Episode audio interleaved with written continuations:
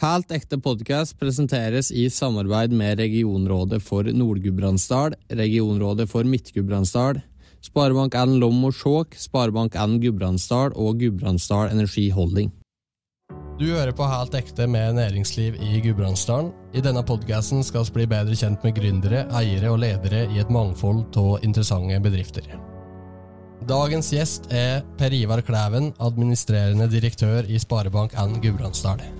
Sparebank1 Gudbrandsdal har eh, gjennom 163 år gått fra å være eh, et kundemagasin til å bli en av de bankene i Norge med høyest prosentvis utlåns- og egenkapitalvekst. Men Per Ivar skal også prate mer om bankens historie, eh, om eh, bankens rolle i eh, Gudbrandsdalen, kriso, muligheter, og sjølsagt eh, om eh, hvilke tanker eh, Per Ivar og banken har om framtida i Gudbrandsdalen. Velkommen til Helt ekte, Per Ivar. Tusen takk. Jeg gleder, å være her. Det er veldig hyggelig at dere er med. Hva går det med banken om dagen? Det er, det er jo spennende det òg.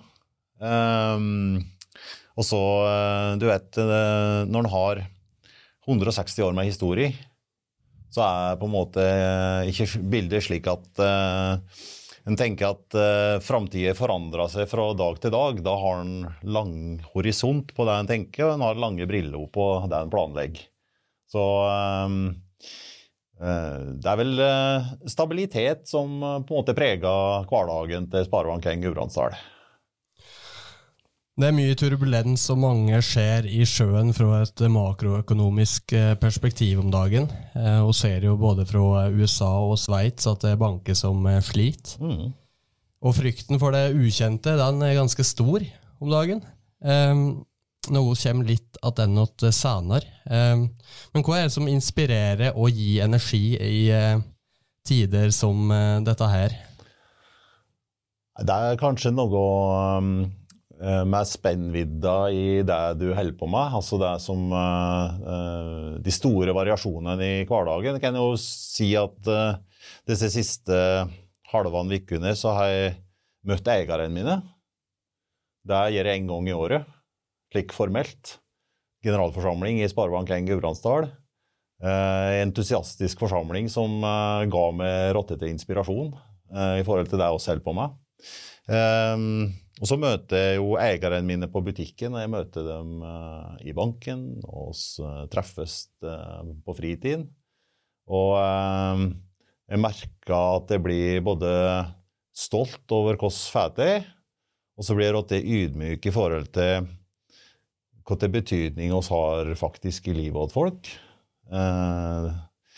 Og så må jeg si at jeg har fått lov til å ja, siste uke være med på eh, å helle et lite seminar for finanskomiteen på Stortinget i forhold til regulering av banker. Eh, og jeg har sittet og diskutert framtida med, med lederen av de største Sparebank1-banken. Og, eh, og kjenner at eh, denne siste ti dagene de har gitt eh, inspirasjon på, på mange, fra mange sider. Fra eiersida, fra samarbeidssida, fra kundesida, eh, og ikke minst selvsagt fra innsida av banken. På hvilken måte er møtet med disse folka her med på å gi inspirasjon? Det gir energi å føle at du kan være med å påvirke. Eh, Det gir energi å oppleve at oss betyr noe for folk i hverdagen. Um, og så um, er det jo litt slik at det er samfunnet som oss burde i, da. Eh, lokalsamfunnet. Eh, du innleda jo med at eh, det var usikkerhet eh, og frykt for framtid, og eh, at eh, det rista litt rann i, i bankverdenen om dagen. Og da er det på en måte godt å kjenne på at vi står rotte solidt, da. Står godt på føttene. Og så er jeg jo inne på det der med inspirasjon og kall det begeistring. Eh, hvor viktig er det i en eh, sektor som kanskje har blitt sett på som litt like, konservativ? I hvert fall i tidligere år. Jeg tror hvis du skal, hvis du skal skoppe noe som er noe mer enn eh, gjennomsnittet og elle, så er nettopp det å kanskje ha en, en religion som begeistrer litt. Den, det er kanskje det som gjør at du kan differensiere det litt fra, fra den store gruppa. Um, og da er jo gjerne konkurranseinstinktet noe som, uh, som inspirerer flere til oss. Uh, I tillegg så er det jo slik at uh, når du har utfordringer, når du har tøffe konkurrenter, når du har en situasjon der du føler det litt som en underdog, da, så, ehm, så kan jeg med hånda på hjertet si at det inspirerer både mine medarbeidere og meg sjøl. det har skjedd mye de siste åra, både når det gjelder folks tilnærming til ehm, bankvesenet, og kanskje òg hva en bank driver med. Ehm, dere har jo utvikla dere fra å være en eh, tradisjonell eh, sparebank til å bli eh, et fullskala finanshus. Hva eh, legger dere under det? Eh, når vi prater om finanshus, så prater vi om at vi eh, er der at vi kan dekke behoven både for husholdninger og bedrifter under ett tak. Så fra vår side så har vi jo de tradisjonelle bankproduktene innenfor både finansiering og, og sporing og betaling. Men i tillegg så har vi jo òg eh, meglere som eh, opererer i boligmarkedet, som opererer i eh, næringseiendomsmarkedet. Og oss har regnskapsrådgivere som håndterer både små og mellomstore bedrifter i, både regionalt og lokalt. Kanskje vi kunne ti en liten like, recap på um, kunde, marked, ansatte Liksom har noe å henge uh, døkk på i den forstand? Ja, Um, Sparebank1 Gudbrandsdal i dag er eh, Bankdelen er lokalisert på fire kontor, med hovedkontor på Vinstra. Og de fire kontorene driver oss med 84 ansatte. Fordelt da fra Lillehammer i sør til Ringebu, til Vinstra og til Otta eller Nørst. Så har oss eh, eiendomsmeglere på alle kontorene. Eh, vi har et eh, par og tjue medarbeidere på, i eiendomsmeglerselskapet vårt som også eier i med Sparebank 1 Lommersåk.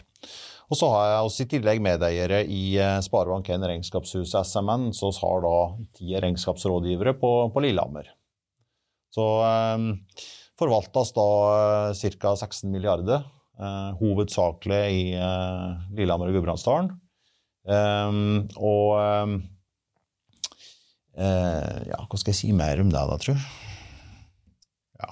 Tenker det var fint, det. Ja, var det ålreit? Ja. ja.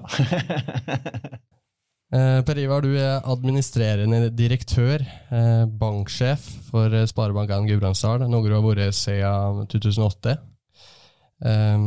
Eh, banksjef er jo kanskje en tittel mange har eh, kjennskap til, eh, men hva, hva innebærer det? Hvilken rolle er det? Det innebærer at um, jeg har det øverste ansvaret for den virksomheten som Sparebank1 Gudbrandsdal driver. Og så er jo en, en selvstendig bank. Det er jo mange som tror at Sparebank1 er et konsern og sammenligner oss gjerne med DNB. Men Sparebank1 er jo en, et samarbeid mellom 13 banker. Og Sparebank1 Gudbrandsdal er en av de 13 bankene. Så for meg så eh, er rolla å sørge for at eh, oss eh, har en strategisk retning som er forankra godt i, i, i, banken og i organisasjonen i banken, og, så, slik at alle som jobber i banken, vet hva de skal. Så har jeg et styre som, som er mitt si, øverste organ. Utover generalforsamlingen, altså med, der jeg møter eieren en gang i året. Um, så er det slik at uh, oss har en del strategiske investeringer. De strategiske investeringene de, er da et verktøy for å bringe banken langs den strategiske retningen som styret har beslutta. Så i rolla mi så følger jeg opp de strategiske investeringene. I tillegg til at det følger opp uh, den linjeorganiseringen som vi har i banken, gjennom at vi uh, driver kjernevirksomheten eh, i form til at vi skal bidra til eh, at lokalsamfunnet skal være attraktive. I forhold til at eh, husholdningen, og altså innbyggerne i Gudbrandsdalen og på Lillehammer, de skal ha muligheten til å sikre seg en eh, bolig. Eh, De skal ha muligheten til å betale for seg, de skal ha muligheten til å forsikre eiendelene sine, og de skal eh, ha et, eh, et produkt- og tjenestespekter innenfor sparing og plassering. Så det er mi- mitt oppdrag å sørge for at våre folk jobber langs den retningen som fører oss mot de målene som styret har satt for virksomheten. Mm. Dine kollegaer omtaler deg som en drivende dyktig og eh, ambisiøs banksjef, eh, med øyne for både finans, eh, folk og dal. Eh, din styreleder omtaler deg som et råskinn fra skogsbygda i Øvre Heddal. Eh, er det et resultat av dine omgivelser? Ja, hyggelig, eh, hyggelig å bli sett på som ambisiøs. Det, det håper jeg at det er noe som eh, inspirerer dem jeg jobber sammen med. Eh, eh, Jeg har et lite valgspråk da, som går på at eh, du skal hele tida prøve å legge lista høyt, for, å, for da hoppe så høyt du klarer. Om du river, så betyr ikke det elverdig. Um, så kan jeg godt assosiere meg med Hedalen. Det er, det er en fin plass å vokse opp. Er, men jeg tror det er, ganske, det er mange flere fra Hedalen som, er som er mer råskinn enn meg. Det er, jeg helt, det er jeg jo helt sikker på. Um, hun skal 163 år attende i tid, attende hos start. Sør-Fron Sparebank ble etablert i eh, 1860. Hva var begrunnelsen for eh, etableringa? Du, det, er, det er egentlig en ganske fantastisk historie. og, og Selve sparebanktanken den oppstår jo uh, i Tyskland tidlig på 1800-tallet. Um, og um, det handla egentlig om folkeopplysning. handla om å lære folk å legge uh, midler til sida for å kunne ha noe å tære på når det blir lavere tider. Det var på en måte formålet bak uh, etableringen til Sparebanken. Og så, Som mye annet da, som, uh, som kom til Norge i, på disse tidene her, så kom uh, denne ideen gjennom kirka, uh, som tok med seg ideen fra Tyskland. Og um, det var jo en, en som heter pastor Hjortøy, som, som, hadde med seg tanken om at eh, kanskje det kunne etableres en, en bank på Sør-Fron. Og så ville tilfeldigheten at, eh, at Sør-Fron og Nord-Fron kommune, som var, som var en kommune fram til 1856, tror jeg, nå litt, rann, litt rann på usikker grunn når det gjelder alle årstall og slik, men men uh, i hvert fall så, så, var det slik at uh, disse to kommunene uh, i 1860 hadde ett felles kønnkammer. Og uh, kønnkammeret var jo måten å legge, legge på en måte til sida en andel til avlinger for å kunne ha muligheten til å, å kunne ha et godt år, sjøl om fjoråret hadde vært lågt. da. Men så var det jo slik at uh, på denne tida her så begynte uh, kontantøkonomien å, å, bli mer dominerende, og kønnkammeren hadde på mange måter uh, ja, blitt litt gammeldags, litt umoderne. Så Nord-Fron og Sør-Fron kommune den fant ut at oss veksla dette her kønnkammeret vårt i cash. Og det gjorde de. Fikk 11 600 og 22, tror jeg, til og med, spesidaler for, for dette kennkammeret. Eh, og når Hjortøy da presenterte tanken om å etablere en bank i Sør-Fron, så hadde Sør-Fron kommune kontanten til å kunne gjøre nettopp det. Så de tok 1000 av de spesialerne de fikk av sin andel, da. Eh, og etablerte banken da med 1000 spesidaler som egenkapital. Mm. Og, og, tanken bak var jo nettopp da at uh, dette her kunne være samfunnsnyttig. Dette her kunne være en, en, virksomhet som kunne drive folkeopplysning og sørge for at uh, alle lærte seg at det var smart å legge ei krone til side for å kunne ha henne til bruk senere når det ble lavere tider. Det sies at lokale sparebanker historisk sett har vært gode speilbilder på eh, sine omgivelser, sine lokalsamfunn. Eh, på hvilken måte har de vært det? banken og bygda eh, går egentlig hånd i hånd.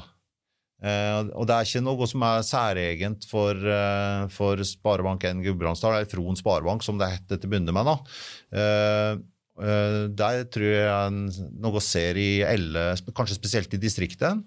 Eh, for eh, banken utvikla seg i takt med samfunnsutviklinger, og det er noen ting som på en måte ikke blir borte fra 1860 til, og fram til i dag. Det er kommunen, det er presten, og det er banken. Dette er samfunnsinstitusjonen som står etter sterkt i Norge, og, eh, og har vært en del av samfunnsutviklingen eh, de siste 150 årene. Så var det slik at eh, det ble, eh, utover 1900-tallet så ble det etablert rottemange banker i Norge. På det meste så var vi oppe i eh, 650 sparebanker.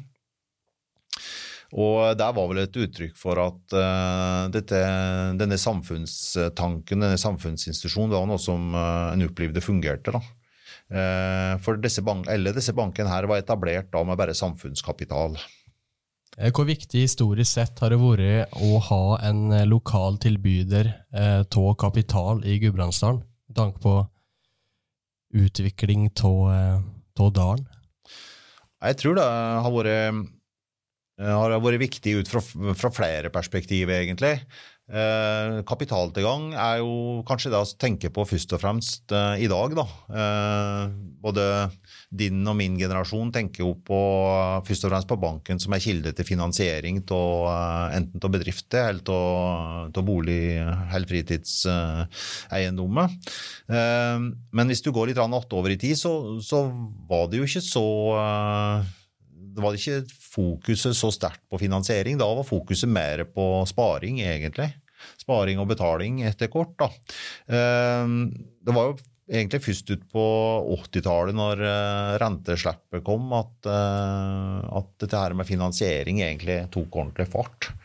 Eh, Men så, og så er det kanskje litt rart å tenke på, for eh, det er, jeg syns det er rart å tenke på. og Da tenker jeg at kanskje din generasjon, da, Sivert, uh, syns det er litt rart å høre at rentefastsettelsen den skjedde i Stortinget. Eh, så der bestemte de da både utlånsrente og innskuddsrente til langt ut på 80-tallet. Og, eh, og eh, si, den markedstankegangen rundt bank og finans, den, den kom egentlig litt sent til Norge. da. Men at banken har hatt et, i det perspektivet da, hatt en viktig rolle i forhold til samfunnsutvikling, i forhold til utvikling av av Gudbrandsdalen, det er jeg helt sikker på. For det er klart at etter kort som tida gikk her, så, eh, så ser vi jo at eh, bedriften blir litt større. Organisasjonen blir litt større, varehandelen organiserer seg i kjedo, og det blir behov for, og det blir større enheter. og Det gir jo behov for at, eh, at bank og finans må følge med da, for å kunne ha lyfteevne til et samfunn som er i utvikling. Men var det lek før at du ikke, altså hvis du ikke fikk lån åt den lokale sparebanken, så var det med da var det var siste, første og siste sjansen, Liksom. Det var, det var nok igjen slik at uh, du gikk i hvis du, uh, hvis du absolutt skulle låne skjelling, så det å gå i uh, lokalbanken, var, der var mest muligheten din. Konkurransen var nok betydelig mindre. Og så, så forandrer jo dette der seg sjølsagt med tida, da. Hun skal videre til 1971. I boka Bank i bygd og by så står det at det skjedde mer fra 1971 og fram til 2010 eller gjorde de første 100 åra i bankens historie.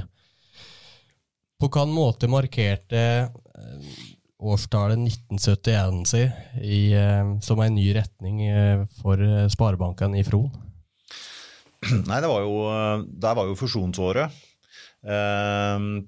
I forkant av fusjonen mellom Nord-Fron og Sør-Fron Sparebank så, var, så, gikk det jo en fusjonsbølge i, i Sparebank-Norge.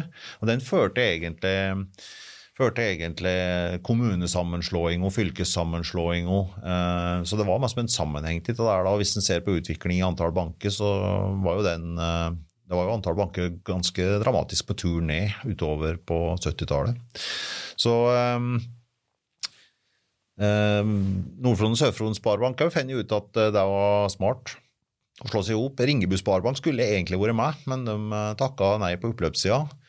Og ble heller en del av Sør-Gudbrandsdal Sparebank, senere Gudbrandsdal Sparebank osv. gjennom fusjonen opp til det som er DNB i dag. Da. Så eh, eh, at uh, denne fusjonen kom i 71, det gjorde nok at uh, det skjedde noe med, med ambisjonen til banken òg. Jeg tror da at uh, det ble en mer offensiv holdning. Ser, ser det litt på um, Vi har jo, har jo tegnet ei kurve som viser utviklingen til banken i forvaltning. og Det er jo helt riktig som du sier at de første 100 årene så er kurva nesten helt flat. Det var, det var jo fordi det var nesten ingen som lånte penger. Eh, når du slår ihop disse to bankene, så skjer det selvsagt noe gjennom deg, og du ser at du, banken blir mer offensiv og kanskje tar en ny posisjon da, jo i lokalmarkedet da, etter kort. Mm. Så skal også at eh, slutten av 80-tallet og eh, slutten av jappetida etter massiv utlånsvekst og mye dereguleringer gjennom 80-tallet, så tårna problemene seg opp for uh, den norske banknæringa.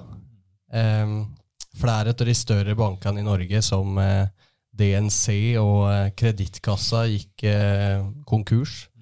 All egenkapitalen ble, ble tapt. Hvordan påvirka dette dere som en liten og lokal sparebank?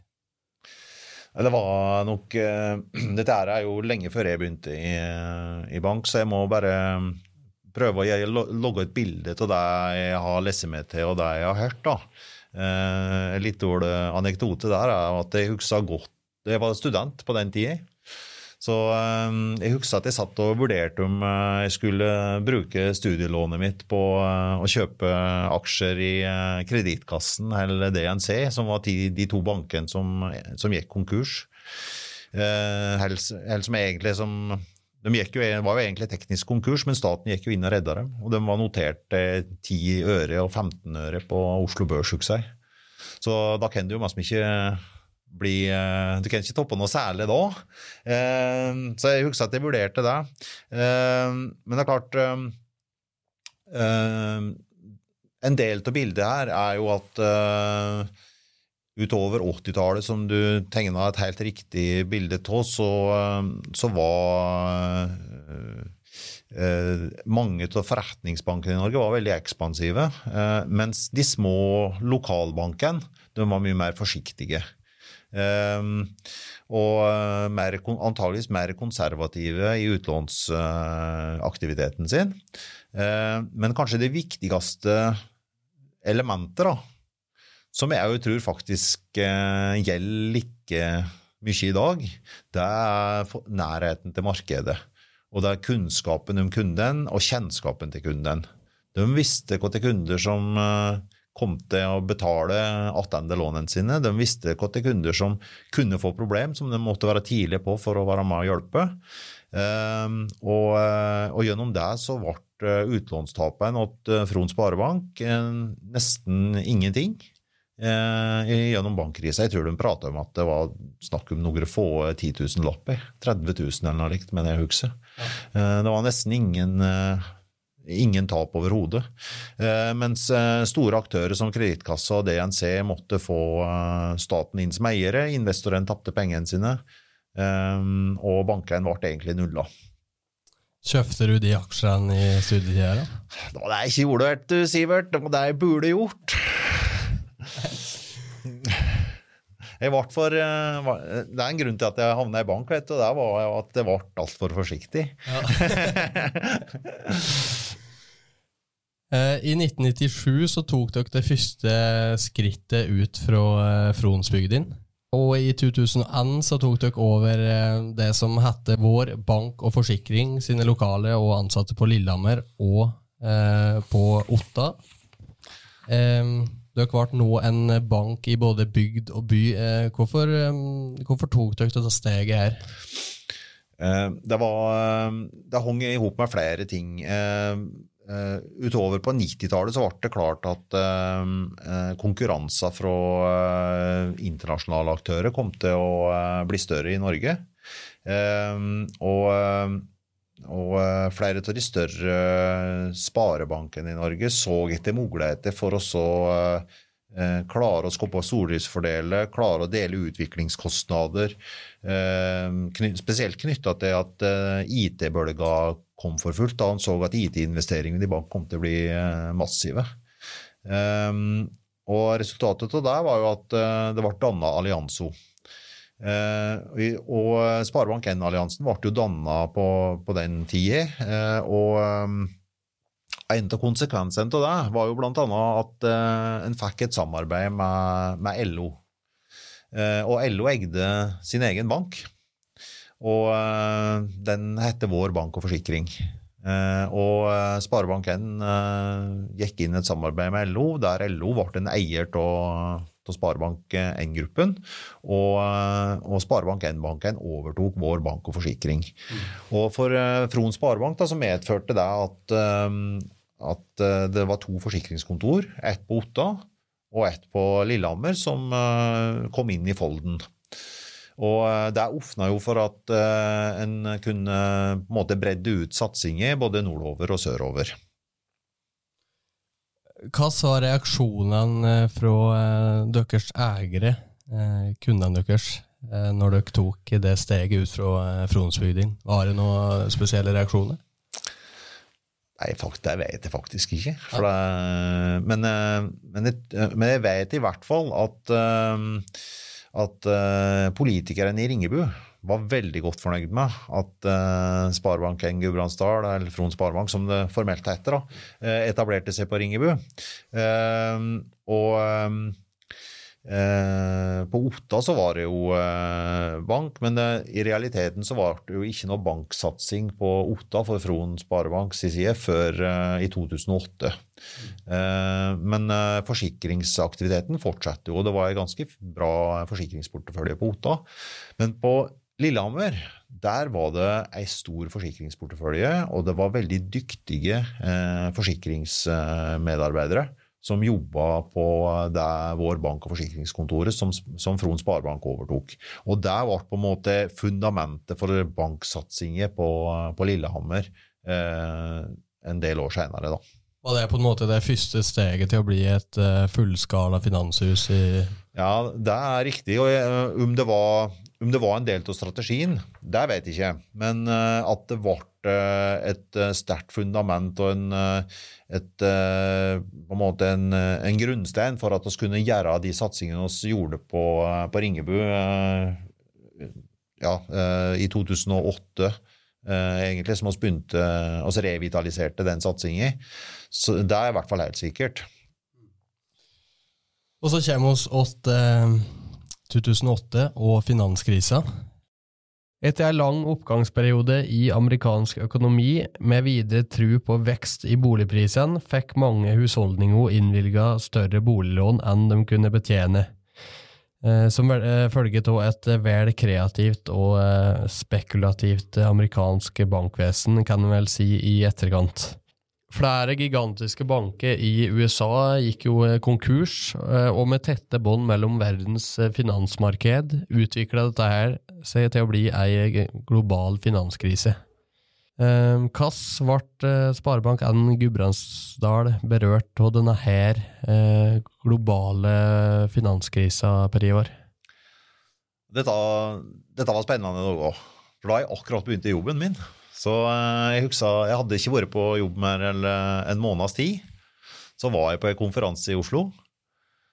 Og så ringer en journalist fra NRK, Hedmark Oppland, til meg og lurer på om jeg har lyst til å si noe om den der bankkonkursen i USA.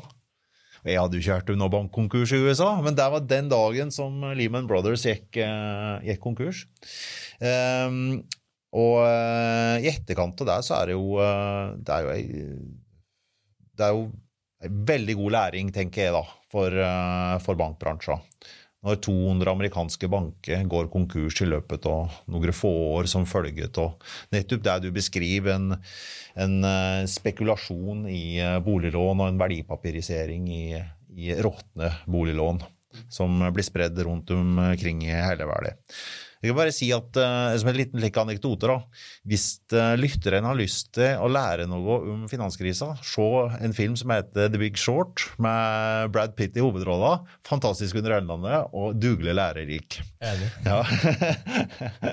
så må jeg si da at uh, for vår del, da, så så må jeg si at den norske staten, da, gjennom Norges Bank, gjennom Finanstilsyn, gjennom Finansdepartementet kanskje spesielt, eh, gjør et eh, forbilledlig håndverk, tenker jeg, fra, eh, fra regulatorsida da, eh, gjennom finanskrisa. Det er jo ingen banker som velter i Norge. Eh, det er, dette her er jo ei, egentlig ei bankkrise. Som der effekten av eh, krisa i bank velter over i næringslivet. Det er ikke næringslivet som påfører banken tap. Det er banken sjøl som påfører næringslivet tap. Mm. For vår del så, var konsekvensen at uh, oss fikk uh, vår andel av konkurser uh, som en følge av finanskrisa. Vi brukte faktisk sju-åtte år på å rydde etter finanskrisa. For, det var nå fordi at vi bestemte oss for at det er den beste måten å ta vare på verdien. men men uh, det har satt spor etter seg. Det, det har gitt mye læring. Og så må jeg jo nok si òg at frykten satt i mange av våre medarbeidere ganske mange år etter, etter 2008. Mm. Um, Resultatet av det i det lange perspektivet da, er jo at EBA, eller regulatoriske myndigheter på EU-nivå, uh, har sørga for veldig streng regulering av bransjer i Europa. Norge er et av foregangslandene i forhold til å innføre nye direktiv fra, fra EBA og fra EU. og så kan en jo ofte tenke at at så streng regulering, det, det er ikke spesielt artig, kan du si. Men eh, det gir sterk solid, eh, et sterkt og solid bankvesen som, som, på en måte gir et uh, veldig solid fundament da, for privat sektor i Norge. Mm. Du var jo litt inne på det, Per Ivar. Ingen av de større norske bankene eller de mindre norske bankene velta under finanskrisa. Um, men det var Summe som opplevde på en måte større problemer enn andre. Eh, da, Rune Bjerke, daværende konsernsjef i DNB, uttalte i etterkant at eh, det tar eh, år, kanskje tiår, å bygge opp tillit og et godt renommé eh, åt sine kunder. Eh, og så tar det noen minutter å rive ned at den er bygd opp over mange år. Eh, og, og dere som du nevnte på, så kom dere veldig greit ut av denne her krisa, og har egentlig alltid skåra veldig høyt på ulike kundebarometer, eh, uansett kriso. Kan andre årsaker eh, ha vært viktig i forhold til det med godt renommé og god tillit fra kundene? Jeg, jeg, tror det handler om uh, noen erkjennelser. Jeg. Uh, jeg tror det handler om å erkjenne at uh, hvem en er til for. Vår egenkapital, som, i 100, som 100% er samfunnskapital, det er, det er, kapital som er bygd opp over bankens 160-årige levetid, til her i bygda. Det gir et, et, ansvar i forhold til å forvalte det på en skikkelig måte. En seriøs forvaltning Eh, som eh, eh, ikke kan ha høy risikoprofil. For det handler om respekt for det, den svetten og det blodet som er lagt ned over 163 år da, for oss å skåpe den kapitalen. Mm. Um, og så er det slik at uh, bygger banken for å, at vi skal kunne fortsette å være til stede. Vi bygger banken for at eh, det skal være attraktivt å bo i Gudbrandsdalen. Vi bygger banken for at det skal være attraktivt å skape arbeidsplasser her. Um, og når du har det som uh, perspektiv, da, så er du helt avhengig av at uh, kunden liker det. I det øyeblikket du tar beslutninger som fjerner det, eller distanserer det fra kundene dine, så river du ned tilliten, og du bygger ned inntektsgrunnlaget ditt. Så uh, er, Du kan beskrive det som et skjebnefellesskap. da. Uh, og banken lever i det skjebnefellesskapet i hop med innbyggerne i Gudbrandsdalen og i hop med bedriftene i Gudbrandsdalen. Mm. I 2011 så øker dere satsinga på Lillehammer. Dere renoverer kontorene og uh, intensiverer eh, tilstedeværelsen der. Mm. Eh, I 2016 så legger DNB ned sine kontor i Gudbrandsdalen. Mm. Eh, Forklaringa på det er den digitale bankrevolusjonen.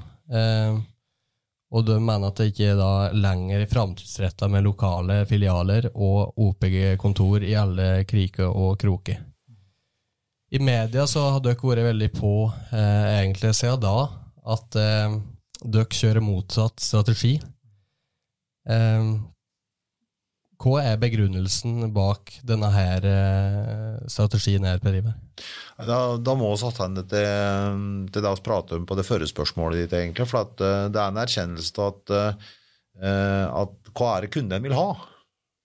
Uh, og når oss da analyserer kunden våre, så uh, si de kunden at uh, oss vil gjerne komme inn mot dere. oss vil møte dere når det skjer noe i livet vårt som gjør at vi har behov for å prate med, med noen. Uh, og så er det ikke slik at, uh, at DNB sin strategi Jeg skal ikke si at den er feil, men for du er nødt til å ha digitale produkter, du er nødt til å ha digitale tjenester i dag hvis du skal på en måte fungere i et, eh, i et eh, moderne samfunn. Og Det er jo en del av vår strategi. Uh, satsa i hop med alle bankene i uh, Sparebank1-alliansen over en milliard i året på å utvikle digitale produkter og tjenester. Og, men i det perspektivet da, så er det slik at oss tenker at tilgjengelighet, det å kunne møte noen fysisk, det kommer eller til å gå til motinn. Møte mellom mennesker det er det som skaper verdier. Det er det som skaper dynamikk, det er det som skaper eh, eh, utvikling. Så det er ikke lek at dere undervurderer den teknologiske framgangen? Nei, på ingen måte. Og, eh, og eh, når en ser hvor mye skjelling vi bruker på det hvert eneste år, så, eh, og, og, ser at det òg kommer til å akselerere framover, så så er det på ingen måte slik at vi tror at uh, det er mulig å være en fullskala uh, bank uten å ha tipp topp produkter og tjenester på, digit på digitale flater. Uh, det men det, det, er å bli en hygienefaktor, for du skaper ikke relasjoner digitalt. Du De sterke bindingene, de sterke relasjonene og tillitsforholdet, det skaper du i møte med menneskene. Og Det sier kundene våre, og det tror vi oss på. Mm. Og så håper vi at 12. mars 2020. Da stenger Norge ned. Um, Børsene verden over raser, og det er veldig panikkstemning i markedet. Eh, mange av eh, både bedriftskunder og privatkunder av dere er veldig eh, bekymra for hva vi har i vente. Hva, var de første dagene for eh, banken? Vi eh, gikk jo rett på eh, analyse. og hva betyr dette her for oss? og worst case-analysen vår var ikke spesielt Det var ingen grunn til å være noe optimistisk rundt det. så sett i ettertid så var vi kanskje vel svartsynte. Men men det er klart at eh, oss så at det var behov for at oss tok vår del av dugnaden. Eh, og det gjorde oss. Eh, og så at oss måtte bryte med et av våre viktigste prinsipp. Og det er at vi skal være tilgjengelige for kundene våre. Det var, det var en tøff beslutning å ta og si at nå får jeg ikke lov til å komme inn i banken. Og så at det påvirka medarbeiderne våre, det å først stenge ned for kunder og og, men vi så òg at det var behov for å ta vare på medarbeiderne ekstra i en slik situasjon. Da. Eh, både med tanke på å beskytte mot smitte, men òg med tanke på at eh, oss nå skulle var, kom i en situasjon der vi måtte drive banken fra hjemmekontor. Eh, så Nei, det var spesielle dager òg. Sett i ettertid så tror jeg kanskje egentlig at det styrka samholdet og medarbeiderskapet. Uh, og det var fantastisk å kjenne på den stemningen som var i lokalet når, oss, uh, når alle var tilbake. Uh, for det var Våre folk ga helt entydig uttrykk for at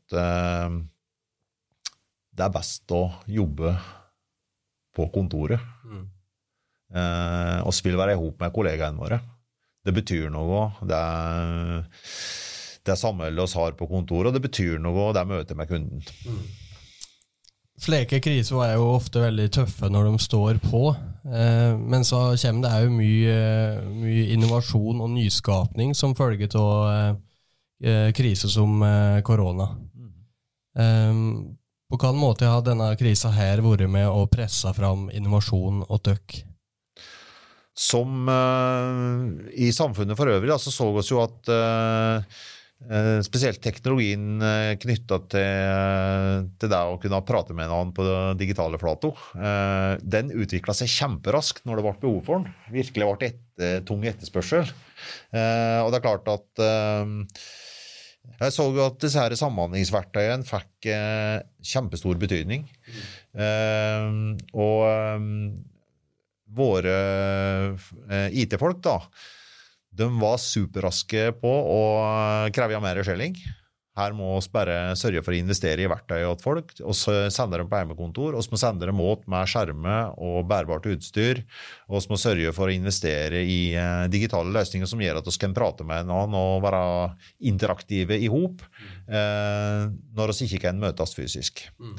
Så det, så, der, der har det vært en kjempeutvikling på i løpet av disse siste to-tre årene. Eh, så en ser hvor, hvor raske vi er til å plukke opp eh, nye løsninger, og hvor raske vi er til å utvikle nye løsninger når det er behov for det, og kan vi klare å tilpasse oss en, en ny situasjon da, superraskt. Mm. Videre åt status quo. Um som jeg var inne på i introduksjonen, så er det jo mange makroøkonomiske skjær i sjøen. Eh, etter korona så hoppa verden rett inn i eh, krig i Ukraina. Eh, og som på en måte har vært medvirkende årsaker til bl.a. energikrise, som har ført til massiv prisvekst. Og så har økt inflasjon, og så har nå høyere rente og et økt skattenivå i Norge. Eh, den samla effekten har vært eh, høyere ledighet, redusert forbruk og eh, lavere etterspørsel. Dere tar pulsen på både det lokale næringslivet og det lokale privatmarkedet. Hva er status for kundene i dalen i dag? Um, godt spørsmål, dette der. Uh, og du kan si at uh, Banken er jo egentlig et speilbilde på, på Gudbrandsdalen. Og uh, hvis, hvis du tenker at det speilbildet er perfekt, da, så, så, er både bedriften og husholdningen i god stand. De siste Eller de, de, de par årene under pandemi så la husholdningen seg opp Eh, betydelig med sparepenger. Eh, sparerata økte ganske, ganske markant. Vi og tror nok at mange tærer på litt på den nå. Men det er, dere ser det når dere har oversikt over innskuddskontoen, liksom? Og ser utviklingen i, i samla innskudd, da. Ja. Men, men, når det gjelder vi får jo så mange nye kunder, vet du, så det er litt vanskelig å mæle bare på saldonivå. Men, men det vi tror, er at, at med de økte eh, kostnadene knytta til, til, å helle levestandarden oppe, da, så, eh, så, vil det være rart om ikke det tar litt tid å tilpasse forbruk til, til inntekter. Uh, og I den sammenhengen så er det sannsynlig at uh, mange husholdninger tærer på, på sparepengene sine nå. For det vi ser, er at de misligholder ikke lånene sine. Og uh, Derfor jeg sier at de er i god stand. Så de, de, husholdningene våre tåler uh, denne situasjonen her en stund til, tror jeg. Mm. Uh, når det gjelder bedriften, så er det heller ikke noe mislighold. Så, så, ser oss da at aktiviteten er lavere nå. Uh, fra ca. 2018-2019 og fram til midt på sommeren i fjor, så, var, så gikk alle hjulene omtrent for fullt. Det var omtrent så du så varmgangen i hjulene, altså. Uh, og det ga seg utslag i spesielt kapasitetsmangel, altså mangel på folk. er den, det er sett at det er avtatt nå gjennom siste halvdel til 22 og inn i 23. Kapasitetsmangelen er ikke så stor nå som den var 30.6. i 22, f.eks., hvis en tar det som, ut, som utgangspunkt. Eh, Så det er nok en eh, normalisering som har skjedd. Og så, er vi veldig spente på noen, noen bransjer i forhold til hva eh, situasjonen som vi står til nå, vil påvirke over litt lengre eh, horisont. Da. Mm.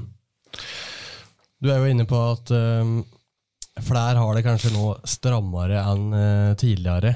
Um, å være offensiv i medgang er én ting, men å være offensiv i motgang har en helt annen verdi. Eh, hva skiller Sparebank1 Gudbrandsdal seg fra sine konkurrenter når eh, ting står på litt? Eh, hoved... det vi differensierer oss på, da, det er at vi kjenner kundene våre. Um, og I stor grad så kjenner oss uh, kunden, og kjenner foreldrene hos kunden. Det gir oss en eh, nærhet, eh, og den nærheten vi har markedet, gir oss et fortrinn da, i forhold til å, eh, forhold til å kunne rådgi kunder. i forhold til det Er riktig Er det riktig å foreta de vedlikeholdsinvesteringene nå? Er det riktig å foreta disse, her, disse investeringene, disse kjøpene nå? Eh, hva gjør oss nå for å tilpasse forbruk til, til Skjellingbok? Den nærheten setter oss eh, i en situasjon som, eh, som jeg tror mange av de større bankene misunner oss. Da. Eh, de har kanskje bedre risikostyringsmodeller og mer sofistikerte modeller enn det oss har, men de har ikke den kunnskapen om kunden og den nærheten til kunden. Det er, det er min påstand. da. Mm. Og Det gjør at vi kan ta en litt mer offensiv rolle sjøl når tidene er litt vanskeligere. Mm. Eh, drivkrafta i etableringa av Sparebanken var, som oss var inne på i eh, starten av eh, denne praten her, å legge til rette for at folk fikk spare pengene sine, slik som de hadde noe å tære på når det kom noe tyngre år. Og det var òg dette der med samfunnsoppdraget å kunne gi utlån med fornuftige vilkår. Eh, hva er misjonen eh, banken i dag, 163 år etter oppstart? Jeg vil si at Hvis du oversetter eh, misjonen til banken fra 163 år siden da, til dagens språk, så vil jeg si at den er akkurat den samme. Det handla om å sikre verdier. Det handla om å skape verdier i hop med kunden for å sørge for at det skal være godt å bo i Gudbrandsdalen og for å sørge for at det skal være mulig å skoppe verdier i Gudbrandsdalen. Ehm, så jeg vil si at eh, misjonen er den samme. Ehm, banken har utvikla seg og starta med 4000 kroner eh, i, eh, i egenkapital. Spesidaler i, i, norske kroner på det tidspunktet, riktignok. Så har halvannen milliard i dag.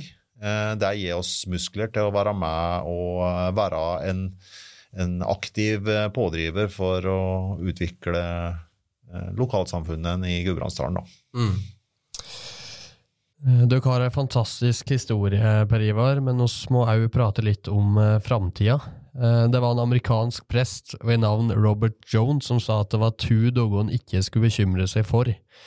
Det var dagen i går og dagen i morgen. Eh, Det er vanvittig mye bra som skjer i Gudbrandsdalen om dagen. Mye er på gang. Likevel så er det ikke til å komme unna at eh, oss har eh, store utfordringer i møte. Og en del av jobben din innebærer jo kanskje å være litt profesjonelt bekymra. Hva er de største utfordringene Gudbrandsdalen har i møte, slik banken ser det? Eh, Kanskje to, to ting, eh, hvis, de skal, hvis de skal prioritere. Eh, det ene er knytta til demografi, altså befolkningsutvikling. nå. Eh, og så, som du sier, da, så er jeg, så er jeg jo litt like, eh, betalt for å være bekymra. men jeg har valgt på en måte å tenke at eh, her er det noen muligheter, da. I stedet for å prate om at, det, at oss blir færre, og at, uh, at oss blir eldre, noe som oss eh, helt klart blir, eh, så er det jæklig mye folk her i helgen, i fritiden, i høgtiden, i ferien. Disse deltidsinnbyggerne gir oss noen muligheter. Så jeg tenker at noe av den utfordringen som oss har, da, det er kanskje skal bruke den muligheten til å sørge for vekst vekst og utvikling. Det er mange som eh, gjerne vil være identifisert med Gudbrandsdalen, som gjerne vil være en del av Gudbrandsdalen, og som er en del av Gudbrandsdalen to-tre dager i uken. Um, og de deltidsinnbyggerne de har mye kompetanse, de har kapital, de, kan være med, de ønsker å være med og bidra, mange av dem, i eh, lokalsamfunnene våre. Det er en mulighet. Eh, og det er en mulighet til å på en måte være med og, um, og dempe eh, de negative effektene av at eh, mange av ungdommene våre eh, flytter ut. Og det gjør de selvsagt for å få seg utdanning og for å få seg, å få seg erfaring i eh, yrkeslivet. Eh, og så må vi sørge for at det er så attraktivt å komme tilbake, at eh, de faktisk gjør det. Eh, ja, det ble jeg full fart inn i neste, vet du. Ja, for det, det er jo en saying blant norske lokale sparebanker at eh, det som er viktig for lokalsamfunnet, er viktig for eh, banken. Mm. Hva er deres viktigste bidrag mot de eh, utfordringene vi har eh, i tida som eh, kommer i Gudbrandsdalen? Altså, når, jeg sier at eh, da, demografisk utvikling er kanskje er et av hovedutfordringene våre, da, så er det jo ikke slik at vi uh, bidrar til at det blir født flere. Men uh, kan i hvert fall være med og bidra til at uh, de som er her, og de som kommer hit, uh, opplever at, at det er godt å være her. Eh, da, men si, det vi må sørge for, det er jo først og fremst arbeidsplasser. Det er det det handler om. Det Arbeidsplasser er fundamentet for å skape gode lokalsamfunn. Ehm, og, ehm, så hovedoppdraget vårt eh, der ligger jo der å legge til rette for at, eh, at eh, lokomotiven skaper arbeidsplasser som, som gjør det mulig å kunne være buende og, være, og, og virke i Gudbrandsdalen. da. Eh, som kjent så eier Sparebank1 Gudbrandsdal av eh, sine innskyttere, eh, som i praksis betyr at egenkapitalavkastninga skal eh, gå tilbake til eh, lokalsamfunna i Gudbrandsdalen. Eh, Børsnoterte banker som DNB, Sparebank1 Østlandet og Sparebanken Vest har de siste åra betalt ut om lag 50 av si egenkapitalavkastning til aksjonærer og kunder. De siste åra har dere betalt eh, ut mellom eh, 5 og 7 av eh, deres egenkapitalavkastning åt eh, dalen gjennom eh, gaver og stipend åt, eh, åt gode formål i eh, dalen. Kan eh, vurderinga gjøre dere rundt forvaltninga av egenkapitalen eh, gitt de utfordringene dalen har? Det er et kjempegodt spørsmål. Um, og ehm, utgangspunktet for spørsmålet er jo at eh, egenkapitalen i banken den er 100 samfunnskapital. Eh, og spørsmålet er da hva eh, Kan finner du den rette balansen mellom å bygge banken for videre vekst, for at banken skal kunne bidra ytterligere til å sørge for boliger og boenheter og husholdningen, men ikke minst sørge for å ha krefter til å kunne løfte det lokale næringslivet. Da. Det skal du balansere da mot det du beskriver her, Sivert, som gaver, talentstipend, prosjektmidler osv. Midler som vi kjøre direkte tilbake til lokalsamfunnet da, i form av gaver til allmennyttige formål og dets like. Så eh, jeg tror svaret på dette, spørs på dette, spørsmålet der er at eh, du må prøve å finne balanser mellom eh, gaver til allmennyttige formål. Men i mitt eh, hugge så, så, er det slik at det viktigste oppdraget vårt det er å ha løfteevne til å kunne være med på investeringer og utvikling av Gudbrandsdalen.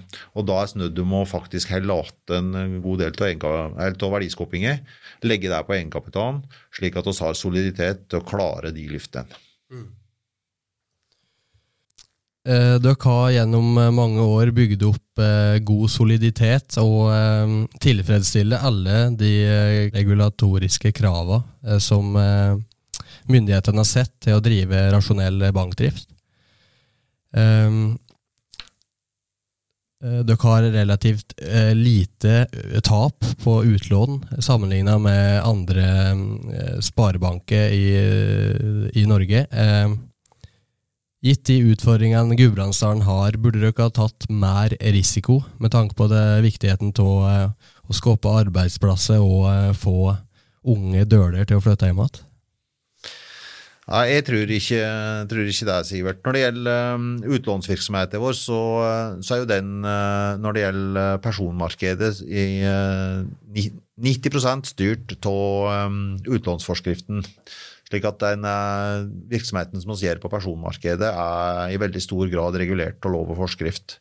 Vi har ei 10% fleksibilitetskvote som vi kan, uh, kan skli noe på. Og, så, og i det perspektivet så forhold, så prioriteres den fleksibilitetskvota eh, til unge boligkjøpere som skal inn i boligmarkedet. Så, eh, så den tenker jeg at den Der, der tar oss den risikoen som det er mulig å ta ut ifra lov og forskrift. Når det gjelder lån til lokalt næringsliv, så, og det er nettopp det det er vi holder på med på bedriftsmarkedet, oss, på bedriftsmarkedet så utøve oss eh, håndverket vårt etter det gamle kirketårnsprinsippet. Eh, oss tar nesten ikke eh, eh, nye lån utafor det, det eh, regionale markedet. Det innebærer at vi prioriterer eh, egenkapitalen til å kunne vokse lokalt og regionalt. og så er det slik da at Tap i bank, det er nesten uh, utelukkende tap på, uh, på, mindre og mellomstore bedrifter. Uh, og i det perspektivet da, at vi har en egenkapital som er samfunnskapital, som vi har veldig stor respekt for, og som vi er veldig ydmyke i forhold til at den er tent opp over 163 år, så tenker oss at det skal forvaltes med omhu. Det skal forvaltes med seriøsitet, kvalitet og med forsiktighet. Årsaken til at vi har så lite tap som det vi har nå, er jo knytta til ja, eh, godt kreditthåndverk, men det er jo knytta til at vi har hatt en lang oppgangskonjunktur i Norge, som har, som har gjort at uh, oss uh, toppa ikke penger på personmarkedet, og så har den siste tida hatt svært lave tap på bedriftsmarkedet. Mm. Så eh, er ikke det særegent for oss. Det gjelder egentlig for eh, hele bransjen. Mm. Og så er jeg helt sikker på at det kommer ikke til å være ved. Mm. På et eller annet tidspunkt så kommer tapen til å komme igjen, og da gjelder det at vi har så god kvalitet i den utlånsporteføljen vår at vi tåler at noe av de lånene ikke kommer til å bli tilbakebetalt. Mm. Men, men, utover å være en bank som stiller opp med lån, noe dere har gjort i økende grad de siste åra for uh, gudbrandsdøler og lillehamringer. Uh, I tillegg så uh, har dere gitt uh, mye penger åt kultur og idrett. Men er det, er det der eh, kampen står for Gudbrandsdalen? Eh, treff dere riktig med de prioriteringene? Vi mener at vi gjør det eh, i den situasjonen som vi er i nå, men spørsmålet er jo mer gjør oss det ved å fortsette framover, slik som vi har gjort det så langt. Så i, i forhold til det spørsmålet så tenker jeg at eh, eh næringslivet i Gudbrandsdalen, næringslivet i Norge, næringslivet i Europa skal gjennom en stor omstilling. Eh, der vi skal på en måte klare å nå eh, bærekraftsmål, der vi skal klare å omstille eh, brun aktivitet til grønn aktivitet.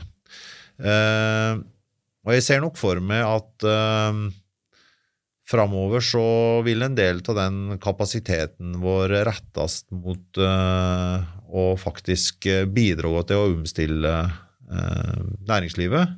Mm. og så er bildet litt like uklart i forhold til hva, hva er egentlig, hva til krav er det som vil komme.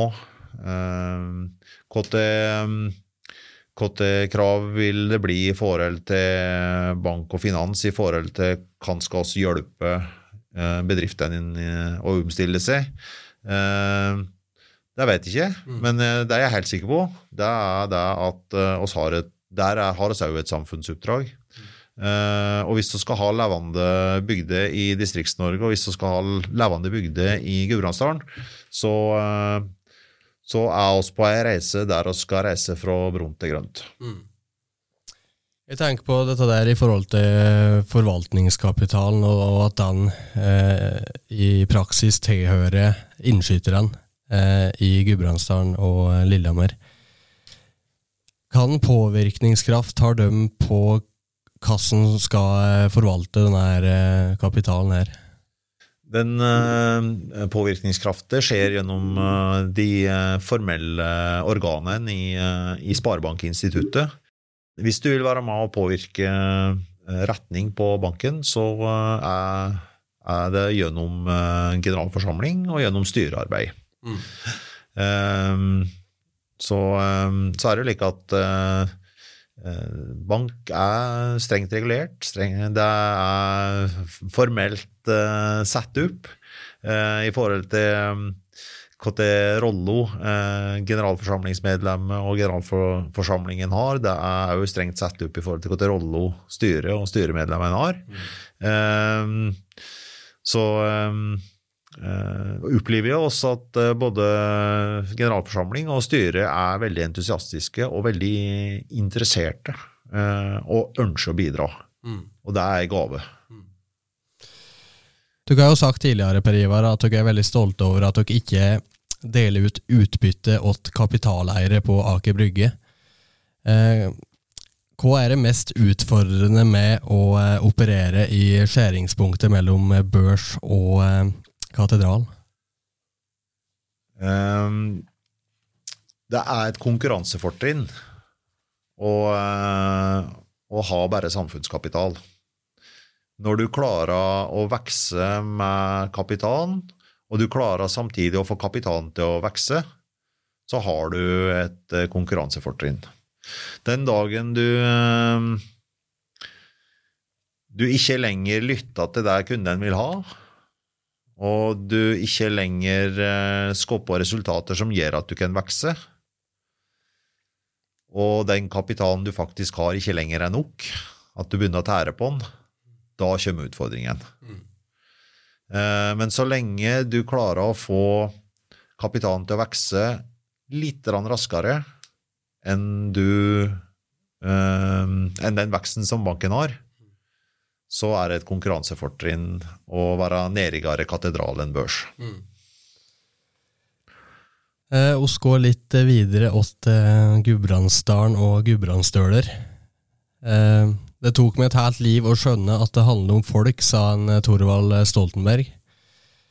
Eh, I møte med utfordringene eh, oss har som distrikt, hva mener du at er Gudbrandsdølens største konkurransefortrinn? Gudbrandsdøl er en merkevare. Eh, er du gudbrandsdøl, så er du til å stole på. Er du gudbrandsdøl, så står du opp om morgenen og gjør jobben din. Um, du er hel ved. Um, det er en merkevare som arbeidsgivere over det ganske land setter råte høyt. Så helt klart det, det, vil jeg si er det fremste fortrinnet vårt. da. Mm. Det er den tilliten vi har uh, så um, se nasjon, kan du si. Mm. Ja, ja. Eh, I 2015 så skrev tidligere sjefsredaktør i GD, Christian Skullerud, en kronikk som heter Et navn i gullskrift, Gudbrandsdalen. Eh, denne kronikken har du tidligere referert til i en av eh, årsrapportene deres. Så tenkte jeg bare å høre deg nå, Per Ivar. Kanskje du kunne bare lese opp den? Så bygge oss litt videre på den? Bare ett navn overskygger alt og alle. Gudbrandsdalen. Navnet som favner det hele. Samlebegrepet. Nasjonaldagen. Norges hjerte. Det norske grunnfjell. Historie, kultur og tradisjoner. Byggeskikk og matvaner. Folketro og kristentro. Folkemusikk og folkedans. Jord og skog. Fjell og vidde. Elver og vann. Ekte vinter og ekte sommer forfattere, malere og komponister. Ny tid og gammel tid. Det er fint. Det er. Ja. Jævlig bra skrevet. Du har jo uttalt at denne her kronikken eh, Dere har brukt substansen i kronikken til inspirasjon for eh, banken. På, eh, på hvilken måte har dere brukt, brukt den? Um, det begynner å bli lenge siden det her nå. 2016. ja. uh, Kanskje først og fremst har vi uh, brukt den som en like, eh, rettesnor. Uh, som Det å peke ut at dette her er retningen vår. Uh, også er, er tru til verdien som, som Gudbrandsdalen står for. Uh, også er stolte av verdien som Gudbrandsdalen står for. Uh, og, uh, og Sørensjø luft, det opp, da. så ja. Det handler vel litt om å liksom, eh, tørres og tro på at en har noe å komme med, er det ikke det? Ja, jeg, tror, jeg tror eh, Det ligger litt i, i bondekulturen, hvis en kan si det. Bondekulturen har fryktelig mye bra ved seg. Men um, det ligger litt i bondekulturen at vi uh, tror at andre er flinkere enn oss sjøl. Uh, og oss, uh, vil jeg gjerne vente litt og se. det er litt av kulturen som vi er oppvokst i. Um, og hva er det vi kan bli bedre på? det? Nei, Jeg tror det handler mye om å tørrest og ha litt sjøltillit. Altså. Jeg tror det handler om å tro på at uh, oss har noe å komme med. Mm. Det Merkevaret Gudbrandsdølen har noe å komme med. Mm. Uh, og uh, jeg er helt sikker på at uh, hvis vi tør å legge det vi har på bordet, så har vi mye å komme med. Og jeg tror at med mer sjøltillit, med mer trygghet eh, på at vi er gode nok, så, eh, så ser oss mange gudbrandsdøler rundt eh, styrebord i ledelse av større bedrifter, i, fremst i politikken osv. i Norge. Men, men oss har et lite jobb med å være rollemodeller, da. Mm. Og den, den, jobben kan oss alle være med å ta. Mm. Gjennom dette konseptet Helt ekte med næringsliv i Gudbrandsdalen, så får jeg også et innblikk i eh, vanvittig mye godt arbeid, gode historier fra eh, næringslivet i dalen. Eh, hva er det som inspirerer det i næringslivet i Gudbrandsdalen, og banken? Der, der kan jeg nevne mange. Kanskje kan jo nevne et par som har vært er ganske nede med. Eh, eh, to industribyggere, egentlig. Eh, styrelederen min, Pål Egil Rønn, er en, et, et, forbilde. så har vi også en kar som, som har jobba i banken, og som var, har vært med og, og lagt en god del av det fundamentet som vi flyter på i dag, Bjarne Slappgard. Så jeg fortjener å bli heisa, heisa flagget for litt i. Så må jeg si at det er en del yngre bedriftsledere i Gudbrandsdalen i dag som, som, er veldig inspirerende å følge. Ehm, tenker kanskje spesielt på uh, en um, André Stenumgolv i Fjøssystemer, uh, som er som, Det er en offensiv, offensiv hardtarbeidende bedriftsleder med med en arv å ta vare på etter far sin, da, som, eh, som, fortsatt er eh, dugelig aktiv. Eh, men oss har aktører innenfor landbruket som jeg har veldig stor respekt for. To gårdbrukere fra oppe i Hedale som heter Per Herringstad og Terje Jonny Sveen, som driver fantastiske bedrifter, som jeg vil kalle de, de gårdsbrukene de driver. Mm. Du har Johannes Nermo på, på Øyer. Plukkerud-gutta. Eh, fantastiske, innovative folk som finner løsninger, som utvikler virksomheten til glede for, eh, for både innbyggere og andre bedrifter i Gudbrandsdalen.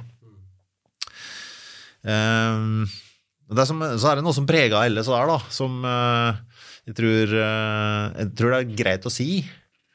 Og det er at uh, disse folkene her, de, eh, de, står opp litt før de andre om morgenen, og så legger de seg litt senere.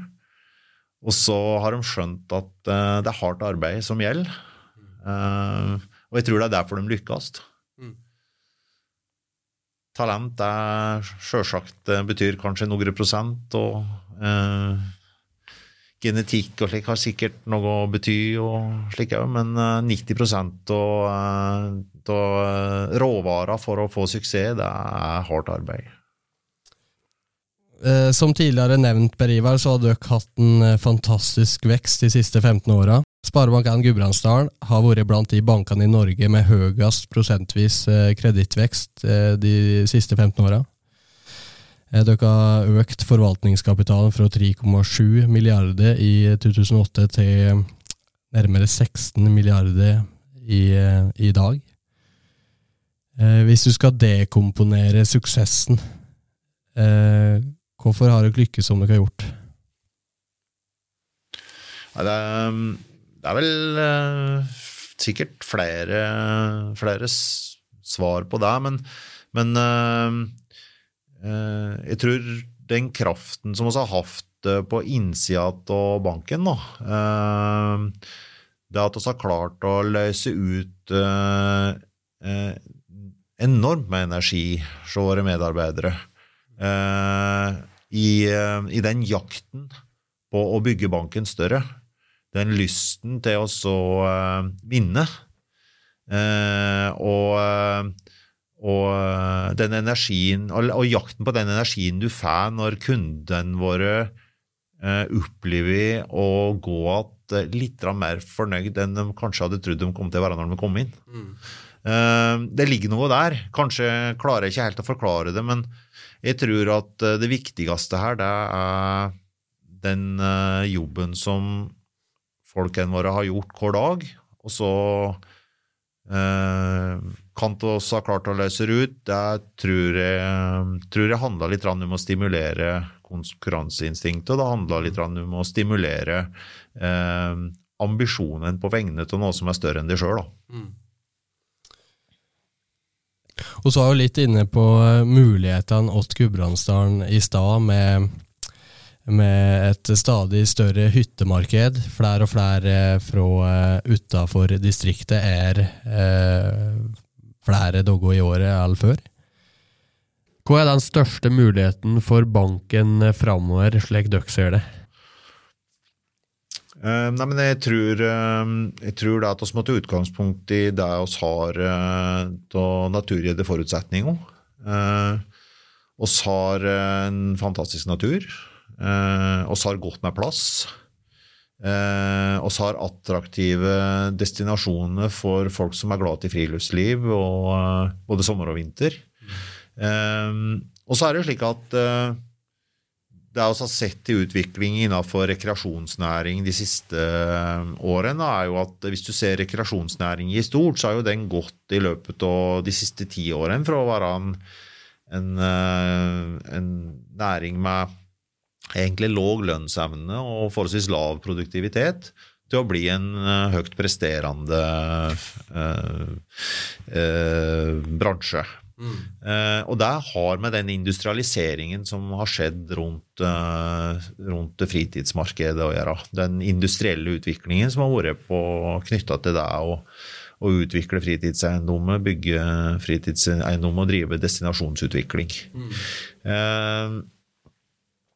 Eh, jeg tror at, uh, at framtida vår henger i hop med dette her. da. Uh, men det er klart at uh, framtida blir litt an annerledes enn de ti siste årene. For det at nå uh, innser oss at det er noen sårbarheter her. Det er noen begrensninger i måten vi skal utvikle disse områdene på.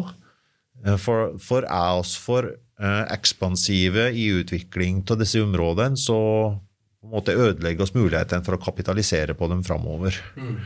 Uh, men det er jeg helt sikker på at det har næringen innsett. Uh, det er jeg helt sikker på at næringen vil ta hensyn til, og jeg er helt sikker på at næringen vil utvikle uh, fritidseiendommen og fritidsdestinasjonen på en slik måte at vi klarer å balansere forholdet til natur og bærekraft med behovet for å og eh, skape arbeidsplasser og skape verdier. Hvis dere som bank hadde visst det dere vet nå for 30 år siden, eh, hva hadde dere eh, ønsket dere visste da? Eller, du skal si 15, altså du har vært med i 15 år nå. Dæven, det var lite av et spørsmål. Da tror jeg at um, at oss hadde innrett da eh, håndverket vårt eh, slik at vi eh, hadde sluppet å ha lært så mye om det finanskrisa. Den finanskrisa, den, den satte oss Sette ambisjonene våre og sette strategien og handlingsplanene våre litt på vent.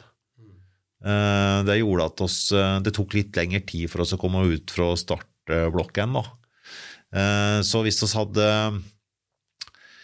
hvis vi hadde lært eh, litt fortere hva som var høy risiko eh, på et, på et tidligere tidspunkt hadde klart det å implementere i måten vi strev håndverket på før finanskrisa, så hadde vi nok hatt raskere fart fra 2008 og en fire-fem år etter det. Det kom seg bra etter kort. da. Kom, oss, kom, eh, oss lærte ganske fort når vi uh, fikk uh, denne karamellen. eh, avslutningsvis, hvis du skal gi en ung og sultig eh, gudbrandsdøl, eh, kanskje gründer, kanskje fremtidig leder i næringslivet, eh, ett godt råd, hva ville det vært, Per Ivar? Jeg tror det handla om det vi var inne på for litt siden, om at eh, Eh, det å komme seg opp og fram, det handler om å ha høye nok ambisjoner. Tørrest å, å, å sette seg høye mål. Og så hopper du så høyt du klarer. Eh, og det er ikke farlig å rive lista. Eh, og, for, og, du, og så må du ta konsekvensen av målene dine. Mm. Hvis du har høye mål, så må du opp i morgen, altså. Um, og, for, og, hvis, du, hvis en ser litt på dem som har, de gudbrandsdølene som, uh, som dere intervjua i fjor da, på, blant de visjonære Det er ingen av dem som har ligget særlig lenge om morgenen.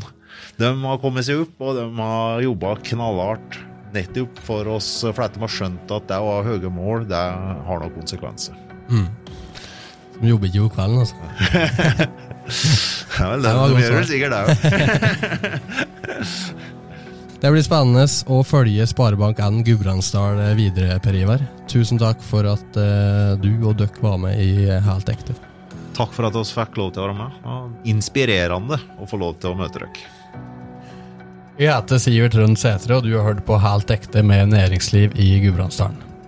Podkasten ble spilt inn på Innovasjonssenteret i Ringbu. Teknisk produsent var Arne Mathias Myhren. Musikken er komponert av Scarworks, og prosjektleder i Helt ekte er Sivert Rønsæter.